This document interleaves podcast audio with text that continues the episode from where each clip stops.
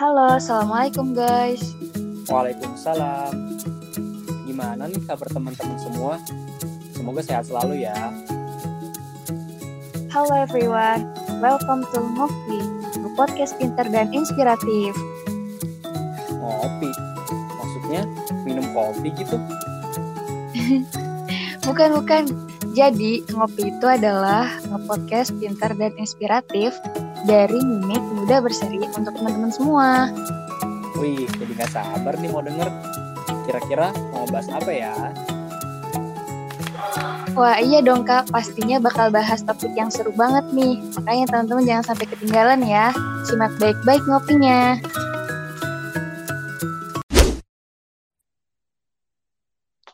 Assalamualaikum warahmatullahi wabarakatuh. Halo Sobat Muda Berseri, Alhamdulillah kembali lagi dengan podcast podcast kita, Ngopi, ngepodcast pinter dan inspiratif. Nah, di kesempatan kali ini, kita akan ngobrol-ngobrol dengan Kak Fatimah Zahro, atau biasa disapa Kak Zahro, tentang sebuah tema yang keren banget, yaitu tips menjadi lulusan terbaik di kampus Turki karena beliau juga, Masya Allah, kemarin mendapatkan penghargaan sebagai Birinci Bolum atau uh, ranking satu di jurusannya, yaitu jurusan Teknik Mesin dan Teknologi Pertanian. Ya udah yuk, mari kita sapa pembicara kita yang keren, Masya Allah. Assalamualaikum Kak Zahro. Waalaikumsalam warahmatullahi wabarakatuh. Halo Hansa. Halo Kak, gimana nih Kak kabarnya? Alhamdulillah baik. Hamsa gimana kabarnya? Alhamdulillah baik juga, Kak. Sekarang Kakak lagi di mana nih, Kak? Aku masih di Konya aja sekarang. Oh, habis, habis niat kemarin, habis acara wisuda, masih di Konya juga sambil nunggu ijazah dan sebagainya. Hmm, gitu ya, Kak. Oke, Kak, boleh nggak nih, Kak, uh, kenali nih diri Kakak. Uh, kakak kuliah di mana, jurusan apa, dan uh, kakak kuliah di Turki itu dengan jalur apa? Silahkan kak. Oke, uh, sebelumnya mau nyapa juga teman-teman di sini, teman-teman TPI Turki. Terima kasih juga buat Hansa dan tim lainnya yang udah apa ya ngajakin ngobrol-ngobrol di sini gitu. Uh, kenalin, nama aku Fatima Azahra atau biasa dipanggil Zahra, Fatima Azahra, bisa dipanggil Zahra atau Zahra juga. Kalau orang Turki kadang juga manggilnya Fatma atau Zehra dan lain sebagainya. Uh, aku juru kuliah di Selçuk University di Konya, Fakultas Pertanian, jurusan Teknik Mesin dan Teknologi Pertanian atau kalau bahasa Turkinya itu Tarım Makinaları ve Teknolojileri Mühendisliği. Terus aku asal Indonesia-nya dari Solo, Jawa Tengah. Hmm, datang pertama kali tahun 2017 waktu itu dan alhamdulillah datang dapat beasiswa penuh dari YTB Terus aku belajar bahasa Turki dulu satu tahun. Terus mulai perkuliahan di jurusan aku itu tahun 2018. Dan alhamdulillah selesai tepat waktu kemarin tahun 2000 tahun ini maksudnya tahun 2022 dan ternyata alhamdulillah juga dapat tadi seperti yang udah Kansa bilang dapat apa ya predikat lulusan terbaik di jurusan aku kayak gitu mungkin ya. Masya Allah. Jadi uh, apa namanya? kita bakal banyak ngobrol-ngobrol nih sama Kak Zahro, terutama tips gimana sih menjadi lulusan terbaik di kampus Turki itu seperti apa gitu ya Kak. Sebelumnya mungkin uh, Kakak boleh nggak nih jelasin gimana nih uh, adaptasi Kakak gitu selama kuliah di Turki itu gimana gitu. Oke, uh, sebelumnya ini sharing-sharing aja ya kita gitu. Maksudnya kayak ya, Kak. Uh, apa yang aku share juga belum tentu apa ya ya semoga bermanfaat gitu tapi belum tentu semuanya baik juga gitu. Jadi ambil yang baik juga. Dan jangan ditiru kalau ada buruknya gitu. Kalau adaptasi ya uh, mulai dari ini deh awal datang ya awal datang ke Turki. Uh, terus kan kuliah bahasa Turki. Eh kuliah ya kuliah bahasa Turki kan. Nah terus Tomer dulu kan kita tuh satu tahun gitu. Hansa juga pasti iya. tahu ya Tomer tuh kayak gimana iya. gitu. Awal tuh apa ya kesulitan. Aku termasuk orang yang kesulitan tomer gitu. Apalagi di tomer di tempat aku tomer itu kursus bahasa Turki ya buat teman-teman yang belum tahu. Hmm. di tempat aku itu orang Indonesia tuh terkenal pinter-pinter gitu. Nah terus aku nilainya yang selalu pas-pasan. Jadi pas sejak Tomer tuh kayak merasa ih nanti gimana kuliahnya nanti gimana gitu. Terus habis itu hmm, karena khawatir gitu ternyata waktu masuk ke kampus bener gitu apa yang dikhawatirkan. Ternyata susah banget gitu untuk mengerti perkataan hoja atau dosen gitu ketika di kampus gitu yang mana penjelasannya cepet. Hansa juga pasti ngerasain lah tahu banget gimana awal-awal masuk Iya, kuliah bener, gitu. Kak. Iya, nah terus kayak nggak ngerti apa-apa gitu ya, Kak. iya nah aku juga awal-awal kayak gitu ternyata. Terus kayak gimana nih? Tapi alhamdulillahnya jadi jurusan aku kan jurusan teknik ya masuknya gitu. Maksudnya banyak hitung-hitungannya. Dan memang aku dulu juga milih jurusan ini karena apa ya karena tahu gitu aku bakal kuliah pakai bahasa Turki ya udahlah aku selain aku emang suka yang hitung-hitungan akhirnya aku eh, milih jurusan ini biar nggak banyak bahasa Turkinya gitu. Kalau rumus kan kayak sedunia sama kan pasti. Nah dari Iya, situ juga ternyata semester satu pelajaran aku tuh banyak hampir semua sih masih mirip dengan pelajaran SMA karena kan masih basic ya. Masih basic tuh kayak bener. fisika terus yang matematika semuanya kayak sama kayak SMA akhirnya adaptasi aku awal-awal aku emang nggak paham ketika Hoja nggak apa narangin di kampus di kelas. Tapi aku belajar sendiri ngulang pakai bantuan sumber-sumber dari Indon yang bahasa Indonesia gitu atau sumber-sumber ketika dulu catatan SMA atau dari website-website bahasa Indonesia atau bahasa Inggris gitu. Nah itu sangat mempermudah aku gitu untuk untuk tahun pertama ya. Aku bilang untuk tahun pertama gitu adaptasi aku caranya kayak gitu sih awal-awal terus apa ya Hmm.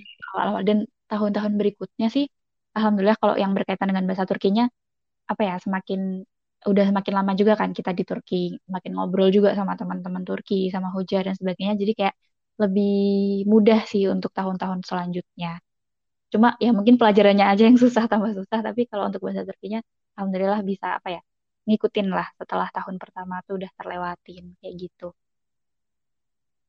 Hmm, karena terbiasa juga ya, Kak.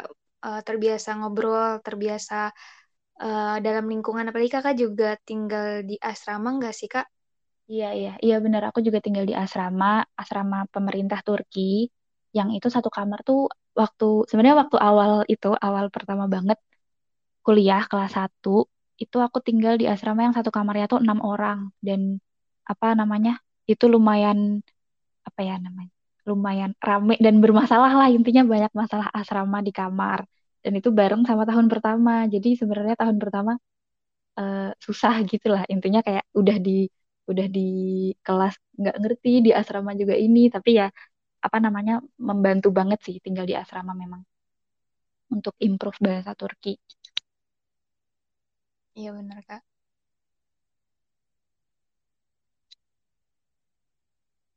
Jadi eh, apa namanya lebih ke tahun pertama gitu ya Kak eh, proses adaptasi itu Mm, proses buat Kakak adaptasi sendiri. aku tahun pertama sih selepas Tomer tahun pertama Oh iya sih Kak.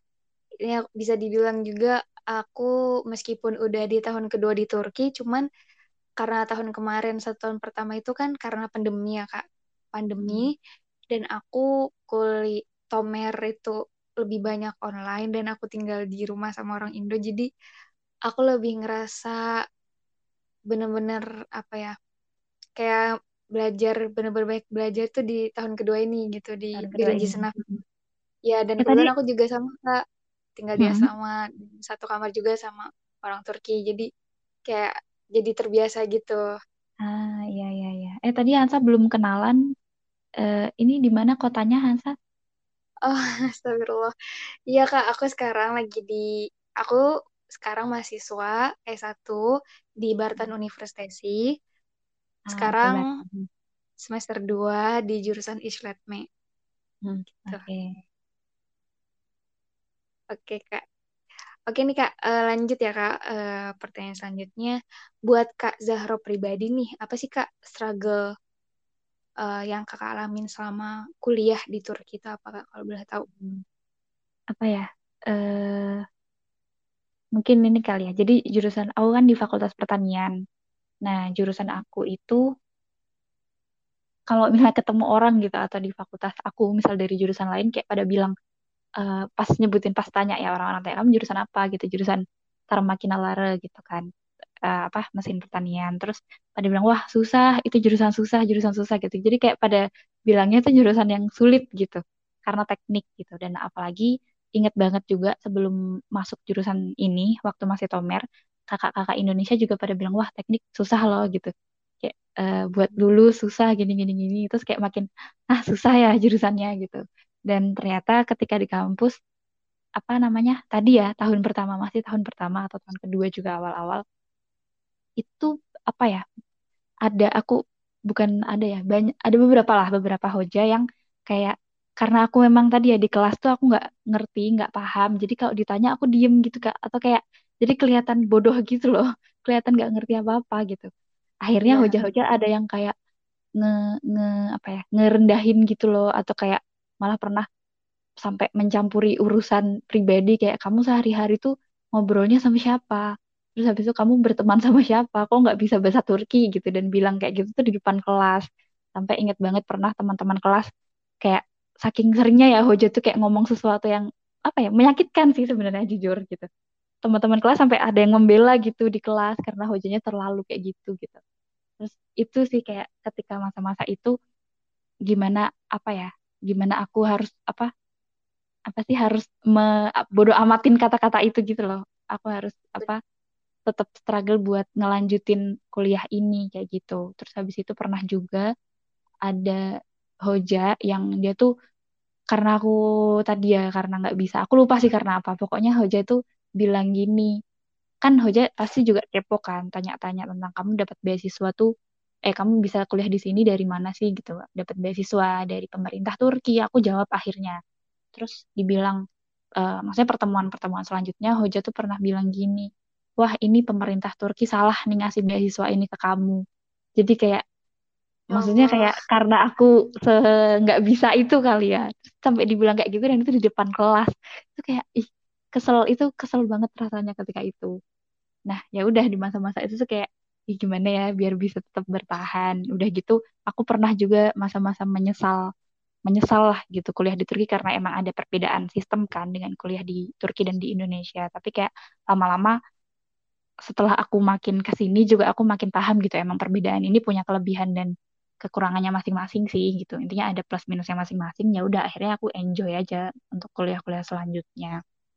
Terus uh, apa ya kalau yang pernah tadi juga waktu tadi ya yang asrama masalah di asrama dan kuliah datangnya barengan terus yang paling apa ya mungkin apa sih namanya? Pokoknya waktu pandemi nih itu tuh kan kita online.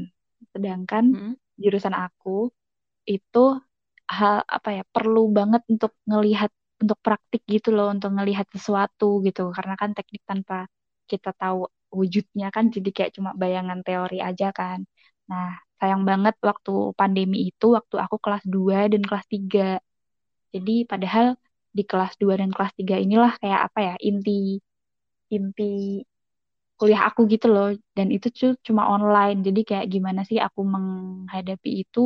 Ya akhirnya cuman teori kan yang dari Hoja. Nggak ada praktik. Akhirnya aku sering tuh buka-buka YouTube atau kayak buat ngelihat aja sebenarnya yang aku pelajarin itu bentuknya kayak apa sih gitu. Karena jujur aku nggak ngerti dulu ketika ada ini ada ini ada mesin ini ada bagian-bagian ini. Aku kayak nggak kebayang sama sekali gitu. Akhirnya aku membantu eh, membantu diri aku sendiri dengan tadi nonton-nonton YouTube dari sumber-sumber bahasa Indo bahasa Inggris dan sebagainya. Kayak gitu. Dulu juga pernah awal-awal karena kalau nggak nggak ngerti ngerekam juga tuh kata-kata hoja. Waktu di kelas ngejelasin walaupun itu nggak boleh tapi kayak ya gimana ya kita kalau di kelas nggak paham gitu. Akhirnya kita ngerekam iya. aja. Ya gitu-gitu aja sih. Ya struggle-nya mungkin ya teman-teman yang lain juga ngerasain sih hal yang sama pasti kita mahasiswa asing mahasiswa Indonesia yang kuliah di sini pasti juga ada struggle-nya masing-masing dan tiap jurusan juga pasti kayak beda-beda gitu. Mungkin kalau Hansa kan isletme ya tadi, sosial ya. Kayak tadi kan banyak bisnis, Kak. Mm uh -uh, maksudnya jurusan sosial, bisnis ya, ekonomi lah ya.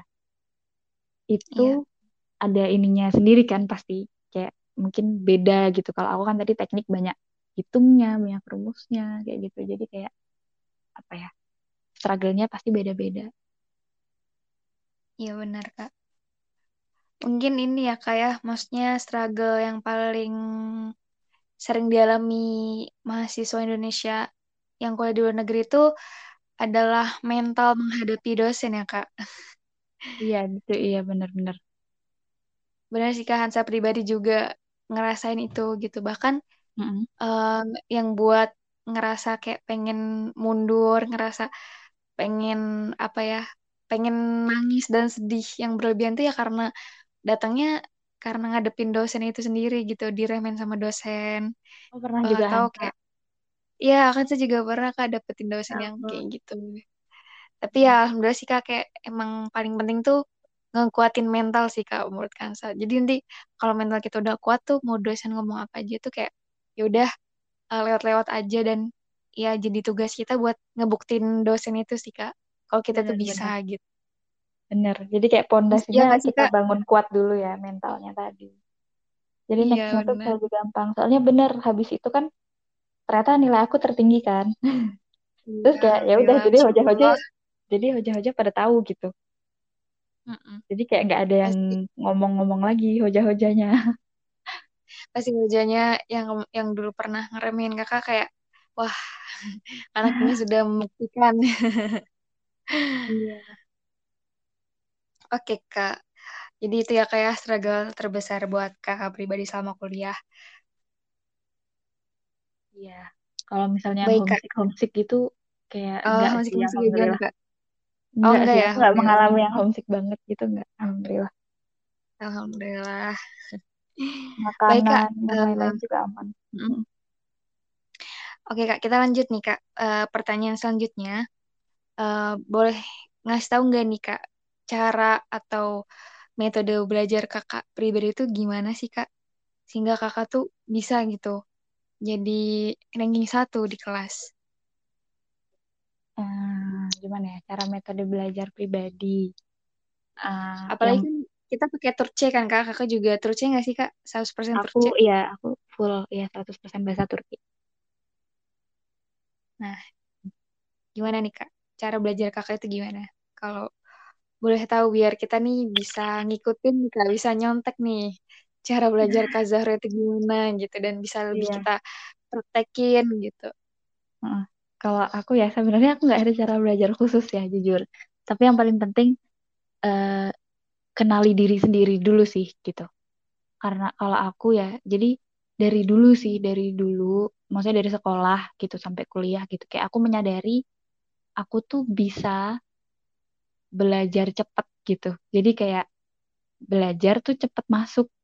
Itu kayak ternyata aku punya kemampuan itu ketika belajar untuk materi sekolah atau materi kuliah gitu. Dan karena apa namanya, aku tahu itu ya gitu. Walaupun sebenarnya nggak bagus juga. Jadi kayak akhirnya aku seringnya kalau belajar buat ujian, aku kayak mepet-mepet gitu loh. Ini aku jujur aja. Coba dari dari ini sih tadi ya dari awal kan kenalin diri. Terus tapi tetap juga harus berusaha fokus gitu ketika di kelas. Itu sih kalau aku ya. Jadi di kelas karena juga tadi ders atau pelajaran aku itu mata kuliahnya kebanyakan hitung-hitungan atau apa ya problem solving lah intinya menyelesaikan masalah dengan hitung-hitungan yang itu panjang gitu. Maksudnya nggak kayak bisa sehalaman, dua halaman kayak gitu. Nah, kebanyakan mayoritas kayak gitu ya, di luar materi-materi lain. Karena kayak gitu, jadi hoja atau dosen kalau jelasin di kelas tuh kita harus benar-benar fokus dan fokus dan ngelihat gitu loh. Harus benar-benar fokus dan Hmm. ngelihat dan dengerin dan memahami apa yang hoja sampaikan. Karena kalau misalnya udah apa namanya, udah buyar fokus kita, itu bakal selanjutnya nggak bisa ngikutin. Jadi kayak kalau aku itu sih ngefokusin ketika di kelas sama yang paling penting nyatet gitu. Jadi hmm, apa ya nyatet apa pun yang kita dengar walaupun mungkin ada distraksi lain ya kayak misalnya ngantuk atau apa. Kalau ngantuk kan kayak mungkin udah nggak bisa ngikutin apa yang Hoja jelasin. Tapi at least kita catat semua yang Hoja terangin, semua yang Hoja tulis itu kalau aku. Dan aku biasanya memang catatan aku ketika di kelas sama sekali nggak rapi. Jadi kayak bener-bener amburadul gitu loh. Kayak yang Eh, aku nggak langsung nulis rapi. Heeh, aku nulisnya yang coret-coretan juga ya kak. iya coret-coretan pakai pensil gitu. Soalnya nggak bisa karena hujanya cepet juga kan. Kayak kita harus ngikutin kecepatan itu kecepatan itu biar bisa nyatut semuanya gitu. Jadi kayak walaupun nggak paham tetap catat gitu. Itu kalau aku ya. Terus habis itu uh, udah nih udah. Di kelas udah. Terus sampai sampai rumah atau sampai asrama kayak aku harus ngerapihin ulang catatan. Jadi uh, catatan-catatan yang aku di kelas nggak rapi tadi aku pindah tuh ke buku aku yang beneran gitu. Nah jadi belajar aku dari situ sebenarnya. Belajar aku adalah dari menulis ulang catatan yang aku catat ketika di kelas. Karena kan kita otomatis baca lagi habis itu otomatis ketika baca lagi eh ini apa ya kemarin? Akhirnya kayak baca memahami lagi kan semua yang udah kita kita pelajari di kelas. Nah di situlah aku belajar kayak gitu. Sebenarnya aku gitu aja sih belajarnya. Nggak yang nggak yang apa namanya setiap hari belajar harus satu jam atau apa enggak tapi aku ininya mengulang materi yang udah pernah gitu dengan menyatat ulang tadi kayak gitu. Itu kalau aku. Terus apa namanya kalau untuk belajar ujian ya biasanya aku belajar kayak semua materi yang benar-benar review semua materi itu kayak deket-deket ujian. Sebenarnya nggak bagus sih ini mungkin jangan dicontoh ya. Tapi kayak yang aku lakukan pasti kayak dua minggu sebelum ujian gitu loh. Aku baru benar-benar buka lagi yang dari awal dua atau tiga minggu sebelum ujian. Kayak gitu sih dan dengan cara ini tapi alhamdulillah aku kayak uh, bisa-bisa aja gitu. Mungkin jadi pasti beda-beda juga kan orang tiap orang gimana. Ada yang kayak nggak bisa tuh harus benar-benar diulangnya dari awal semester atau apa gitu. Nah aku kayak sebenarnya aku pengen pernah tuh aku pengen coba kayak gitu dari awal semester kayak nggak bisa. Entah kenapa mungkin aku terlalu males. Tapi jadinya aku selama ini kayak gitu belajarnya. Terus tadi kalau misalnya pas belajar atau waktu nyalin catatan atau kita memang nggak paham hmm, ya aku cari bantuan sumber tadi ya. Udah aku sebut-sebut juga sumber lain dalam bahasa Indo atau bahasa Inggris kalau emang perlu gitu kalau emang kita nggak paham banget ini apa sih yang bahasa Turkinya kayak gitu. Manfaatin semuanya Google YouTube dan lain-lain. Terus habis itu aku juga hmm, apa ya nanya nanya sih. Aku juga kalau misalnya nggak tahu kadang jadi dulu awal-awal tuh aku kayak malu juga kan kalau nanya di kelas. Nggak tahu ya entah kenapa tapi kayak akhirnya aku beraniin misal aku nggak paham aku nanya ke hoja aku atau nanya atau minta ajarin ke teman-teman aku gitu. Dan alhamdulillah sih teman-teman aku pada baik-baik juga. Jadi kayak mereka apa ya bantu aku juga gitu ketika aku emang nggak ngerti. Itu sih secara generalnya secara umum belajar aku. Sebenarnya biasa aja sih cuman kayak alhamdulillah dengan cara-cara aku ini kayak bisa gitu. Ternyata aku bisa melewatin kuliah ini kayak gitu Oke, berarti ini ya Kak, Kak Zahro ini uh, sistem belajarnya itu belajar mandiri ya Kak, maksudnya atau mungkin kakak suka nggak sih kak belajar bareng-bareng sama teman gitu? Ter atau ah, kayak oh, iya. suka sharing sama teman orang Turki kakak? Mungkin karena dari segi bahasa kan mungkin kak mereka punya catatan yang lebih lengkap hmm. atau emang benar kakak bener-bener kakak tuh belajar mandiri gitu. Ah oke. Okay. ya ini menarik sih. Aku aku ya aku mandiri. Aku mandiri. Jadi kayak aku keren banget aku sih nggak nggak bisa nggak. Soalnya gini apa ya aku kayak pengen misal ada materi gitu terus aku harus baca itu dulu sendiri gitu baru aku harus baca itu sendiri baru aku bisa setelah aku selesai memahami baru aku bisa nandain kan mana sih yang aku nggak paham mana yang aku ini gitu baru aku tanya ke temen. Jadi kayak aku nggak bisa banget misal aku belum baca aku aku belum baca apa namanya materinya. Terus aku langsung belajar kelompok atau belajar bareng temen aku nggak bisa banget kayak gitu. Jadi sering juga sebenarnya teman aku nanya gitu misal eh ini gimana ini gimana? Ih aku belum baca. Jadi kayak aku nggak bisa gitu. Jadi aku hmm. bisa belajar sama teman cuman basicnya aku harus udah belajar selesai dulu semuanya baru aku bisa gabung belajar sama teman kayak gitu sih aku. Iya benar-benar kak. Jadi kayak lebih ngisi dulu pribadi baru ya. nanti mungkin jadi bisa sharing ke teman gitu ya kak. Mm -mm dan iya kalau misalnya kalaupun misal aku nggak masuk aku juga kayak pengennya lihat catatan dulu aku baca dulu gitu. Kayak nggak bisa langsung belajar bareng. Benar-benar tapi kakak pernah nggak kak kayak sama kuliah tuh belajar bareng? Sering atau jatuhnya atau jarang gitu kak? Belajar bareng sama teman-teman tuh? Jarang aku jadi ada kan ada anak Malaysia juga di kelas aku. Kita pun jarang belajar bareng karena kayaknya dia juga apa namanya tipenya sama kayak aku gitu. Kalau teman-teman ada teman Turki lain juga dia enggak sih, aku nggak belajar bareng juga. Tapi pernah gitu, misal ada tuh masanya aku yang bener-bener nggak ngerti gitu.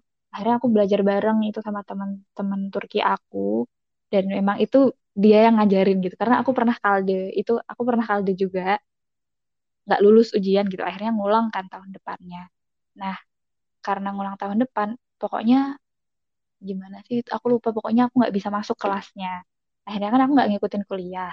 Aku harus nanya tuh ke teman dan memang memang itu belajar bareng. Aku yang paling belajar bareng yang lainnya kayaknya enggak sih. Inget aku maksudnya belajar bareng pun pasti kalau di kelas misal nanya eh ini gimana sih gimana sih? gitu-gitu doang. Bukan yang apa ya merencanakan waktu yuk jam segini kita belajar bareng dua jam. Enggak itu cuman sekali buat ders yang itu doang. Nggak sekali sih maksudnya beberapa kali tapi untuk ders itu aja yang aku ingat. Ders yang aku nggak lulus itu. Oke. Oke kak. Hmm, lanjut ke pertanyaan terakhir nih Kak, yang paling penting. Boleh nggak nih Kak Aduh. kasih tahu ke kita semua nih Kak, apa sih Kak tips and trick uh, jadi juara kelas, terutama di kampus Turki? Di kampus Turki ya.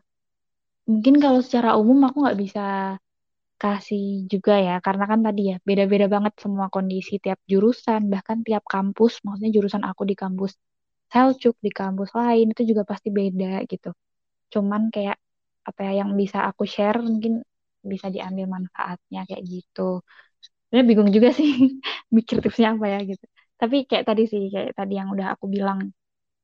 Maksudnya kayak yang pertama ya, yang pertama ini sih jangan datang telat gitu. Walaupun aku aku kayak sering telat memang, tapi beneran jangan datang telat ketika ke kelas gitu.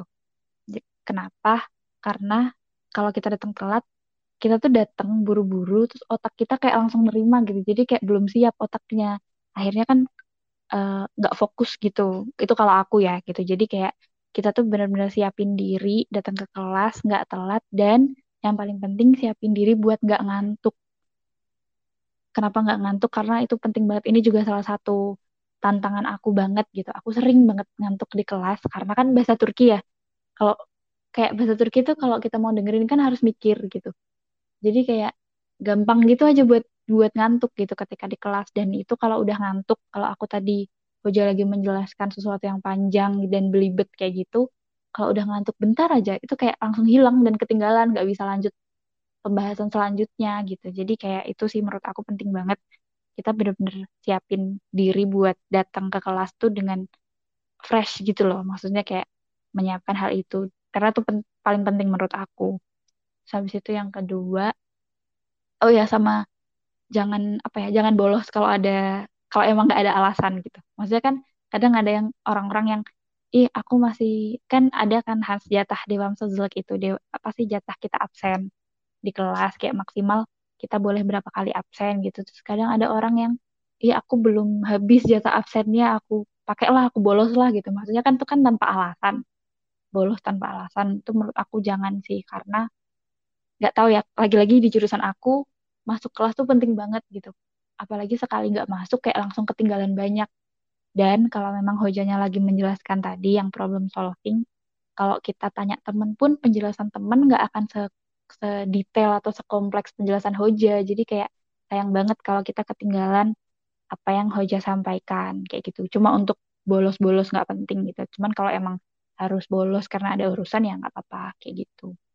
Terus yang kedua ini kali ya fokus tadi kayak yang udah aku fokus dan catat apa yang bisa kita catat gitu. Karena walaupun kita nggak paham pun ketika kita review lagi ada catatan itu yang bikin kita ingat gitu dan bikin kita bisa baca dan memahami di rumah.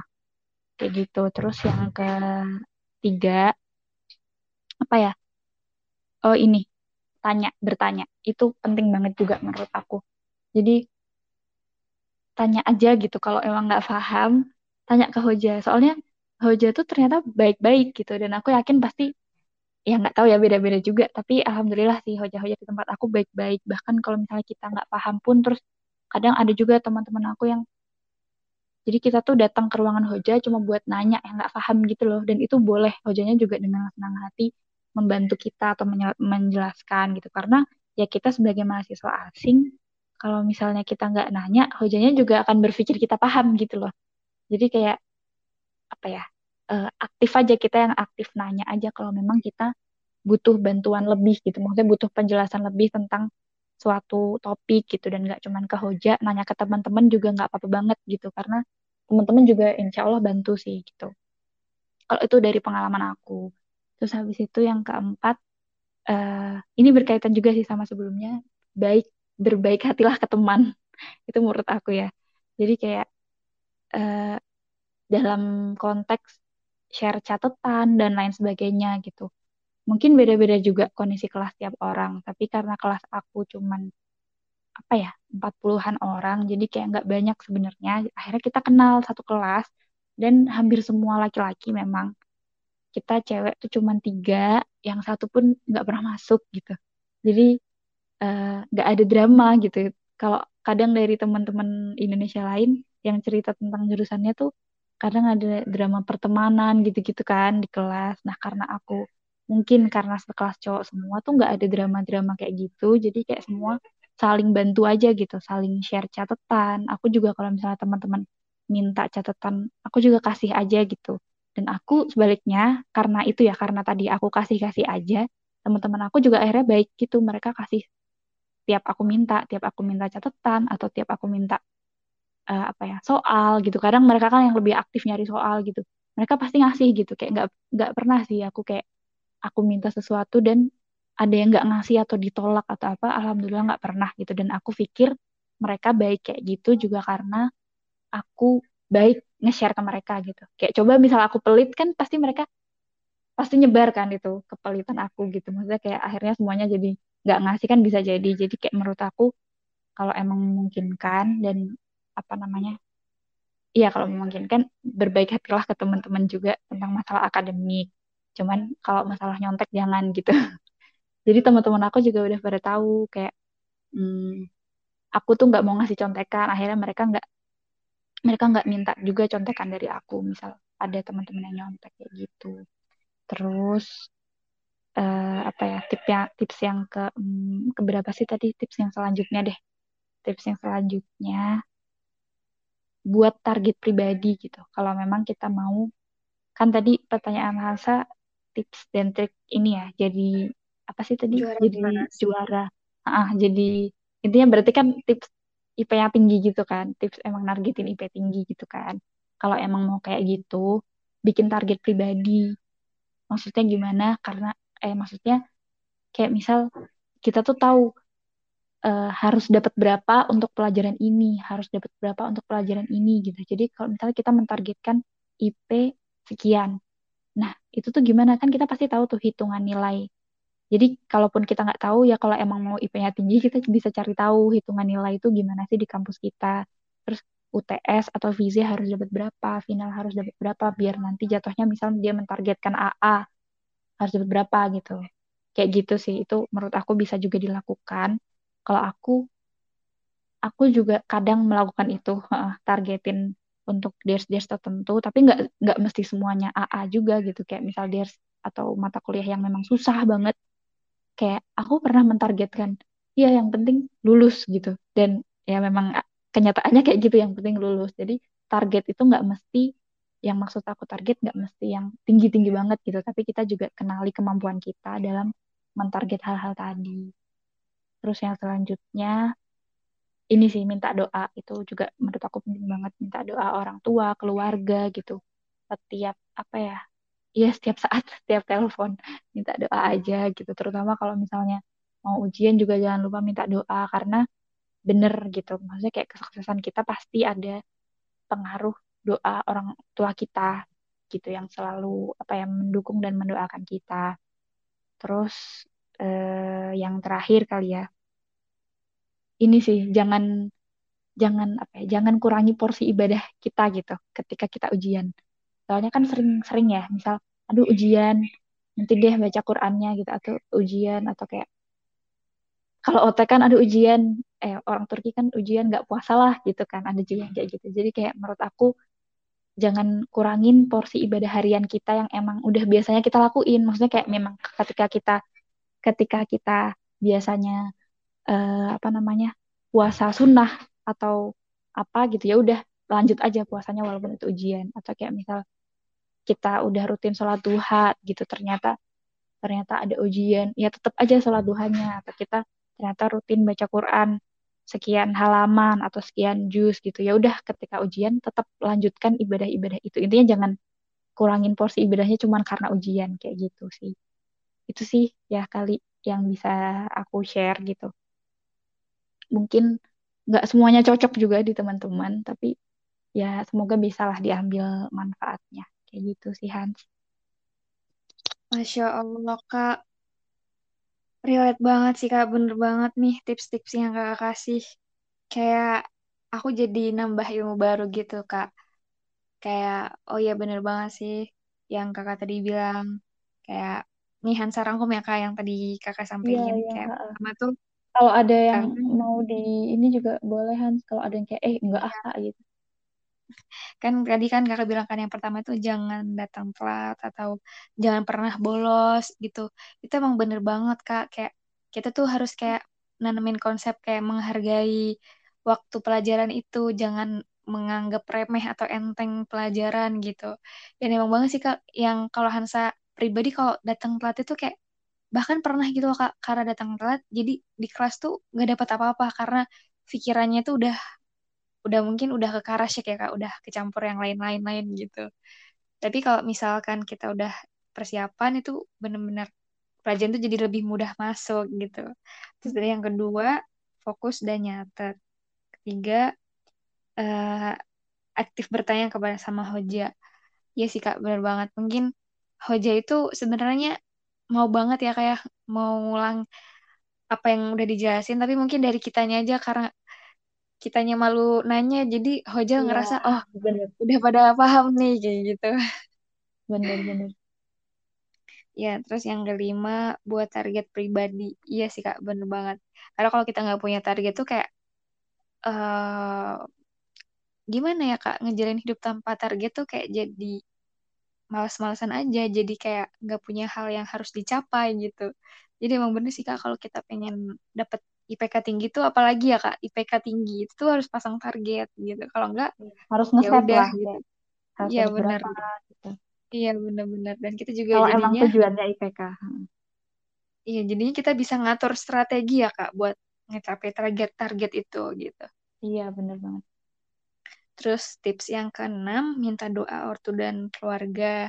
Itu bener banget sih Kak, karena emang doa orang tua itu, Masya Allah lah, untuk kita itu iya kan iya faktor kesuksesan kita juga dari doa-doa mereka. Dan yang terakhir, jangan kurangi porsi ibadah kita saat ujian. Bener banget Kak, kemarin tuh aku waktu vize Ramadan, Ramadan kemarin tuh, oke yang teman-temanku banyak yang gak puasa gitu, padahal ya mereka Islam gitu, dengan alasan ya ujian, butuh minum, butuh makan, kayak gitu. Terus iya kayak mereka aja tuh berani gitu loh Kak, kayak ya semoga kita enggak ya kayak maksudnya meninggalkan ibadah yang wajib gitu. Iya benar ya Kak. Alhamdulillah. Iya semoga enggak, semoga bahkan bisa lebih-lebih lagi ya Kak, karena ini kan kayak pas ujian-ujiannya gitu. bener nggak apa-apa sebenarnya lebih deket ke Allah ketika ujian juga nggak apa-apa sih Iya Kak. Oke Kak. Masya Allah deh Kak. Alhamdulillah seneng banget bisa jadi nambah ilmu banyak nih setelah ngobrol sama Kak Zahro. ya Allah makasih tapi kalau tadi ya mohon maaf kalau ada kurangnya ambil yang baik-baik aja Iya Kak, sama-sama juga. eh maafin dari Hansa juga yang mungkin eh, pembawanya kurang ada yang kurang berkenan gitu. Hmm, Oke Kak. intinya Oke Kak, kalau kayak gitu. sukses buat Hansa buat teman-teman di Turki yang lainnya semoga apa ya dilancarkan selalu kuliahnya dan semua urusannya gitu semangat Amin. Semoga juga Kak juga ya Kak uh, sukses selalu untuk di Amin. jenjang selanjut selanjutnya. Amin, Semoga ya kita bisa amin. ketemu lagi ya Kak. Amin ya Hamza. Udah Main banget nih sama Zahra. Iya nih, Main. udah kangen banget nih sama Kak Zahra dan teman-teman Iya. lainnya. Salam ya Kak buat teman. teman-teman buat teman-teman Iya, yang insya lainnya. Allah. Waalaikumsalam. Oke Kak, kalau kayak gitu hmm, mungkin udah cukup ya Kak uh, podcast Mm-mm. kita hari ini ngopi kita. Masya Allah banyak banget.